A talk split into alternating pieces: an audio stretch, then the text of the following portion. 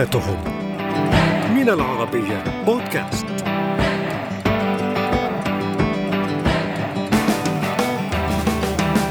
مرحبا. أنا رفيدة ياسين. أقدم لكم أسبوعيا برنامج حياتهم على العربية بودكاست.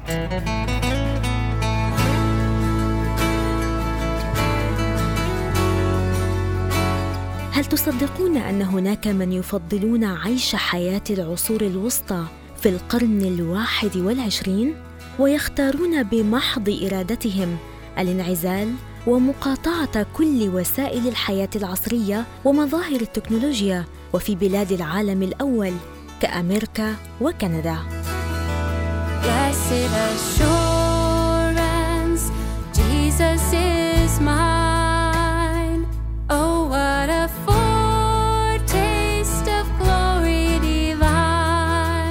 نعم هذا هو نمط حياة طائفة الأميش الذي اختاره الأسلاف منذ حوالي 300 عام حين هاجروا إلى أمريكا هربا من الاضطهاد الديني في أوروبا. فما قصتهم؟ يعيش نحو 250 ألفا من طائفة الأميش في ولايات ومقاطعات أمريكية وكندية. وفي ولاية بنسلفانيا شمال شرق أمريكا توجد أقدم مستوطنة لهم بعد أن هربوا من الحروب الدينية والفقر والاضطهاد الديني.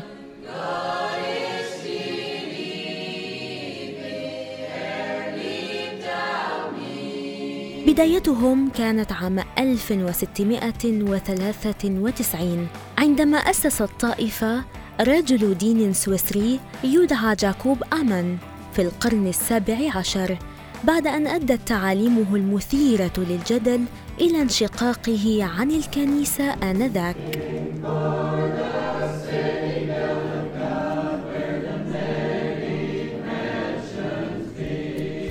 إذا زرت مناطق الأميش ستشعر أن عجلة الحياة متوقفة هناك تماما منذ زمن طويل.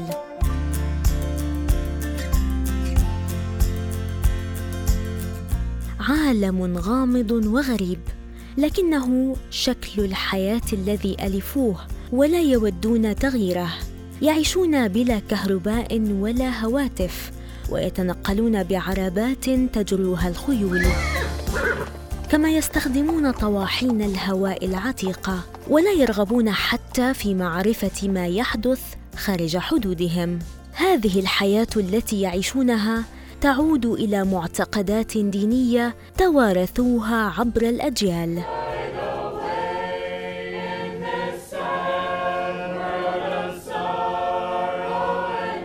فالأميش يعتنقون الديانة المسيحية وينتمون تحديدا إلى طائفة تعود جذورها إلى البروستانت. ولديهم دستورهم الخاص الذي يحكمهم واسمه أوردنانغ. ويرتكز هذا الدستور على القيم الإنجيلية ويؤكد على قيم عدة أبرزها الطاعة والتواضع والبساطة والسلام.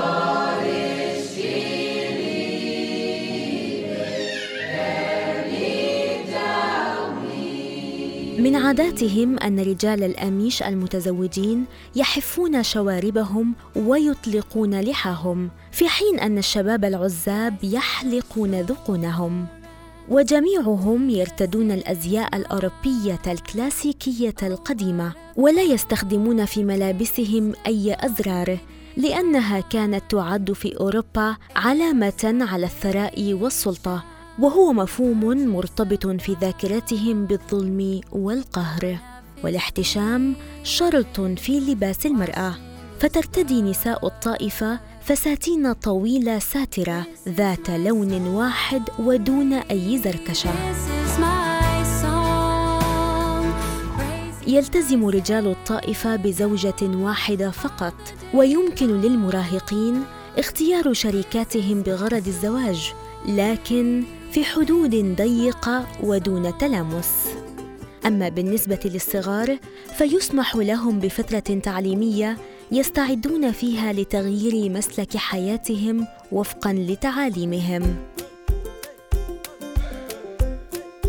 لكن عائلات الأميش تتوقف عن إرسال أطفالها إلى المدرسة الخاصة بهم بعد الصف الثامن وتوجههم بعدها لتعاليم حياتهم وتؤهلهم لكي يصبحوا مزارعين وتجارا ونجارين وربات منازل إيمانا منهم بأن المهن الحرفية تحافظ على تماسك الأسرة والمجتمع.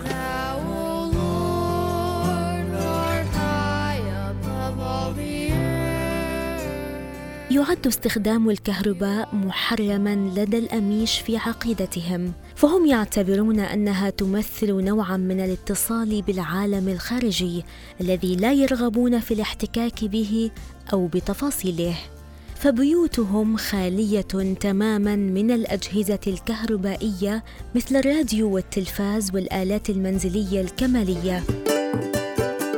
الأميش يؤمنون بحق الفرد في التعميد بعد البلوغ ولا يؤمنون بتعميد الطفل رغما عنه. فاختيار الشخص للمسيحية ينبغي أن يكون خيارا واعيا حسب معتقداتهم ويبدأ من سن السادسة عشرة. ولأن الخيار بين التعميد أو ترك الطائفه قرار صعب للغاية بالنسبة للفتيات والفتيان هناك. فتسمح الطائفه لهم قبل التعميد بالخروج واستكشاف العالم الآخر وتجريبه وكسر القواعد لوقت محدد وهي مرحلة يطلقون عليها رومسبرينغا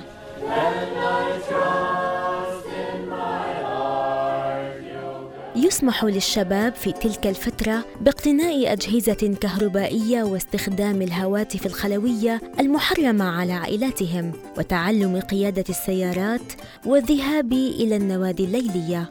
والغريب أن حوالي 90% منهم تقريبا يعودون طوعا لمجتمعهم ونمط حياتهم القديم ويختارون التعميد والالتزام بقواعد مجتمعهم الصارمة. أما إذا قرر أحدهم مغادرة الطائفة أو انتهك قواعدها فستتم معاقبته بالإبعاد. وقد تمكنت الطائفة من الحفاظ على نمط حياتهم بالفعل عبر الأجيال بكثرة الإنجاب والانغلاق.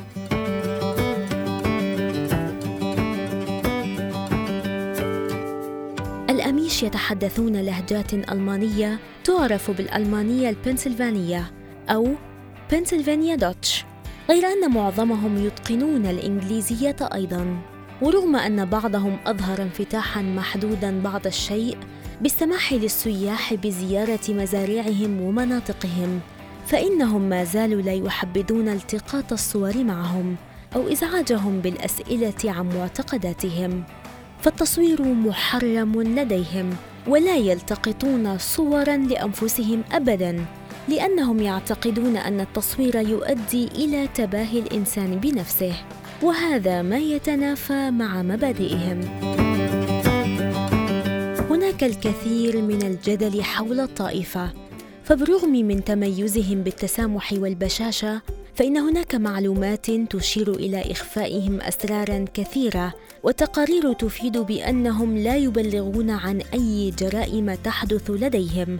بسبب اعتمادهم على نظام اجتماعي داخلي. ورغم حيرة البعض من أسلوب حياتهم فإنهم يحترمون تمسكهم باختلافهم بعيدا عن ضوضاء وزخم العالم الخارجي. فببساطة هذه هي حياتهم.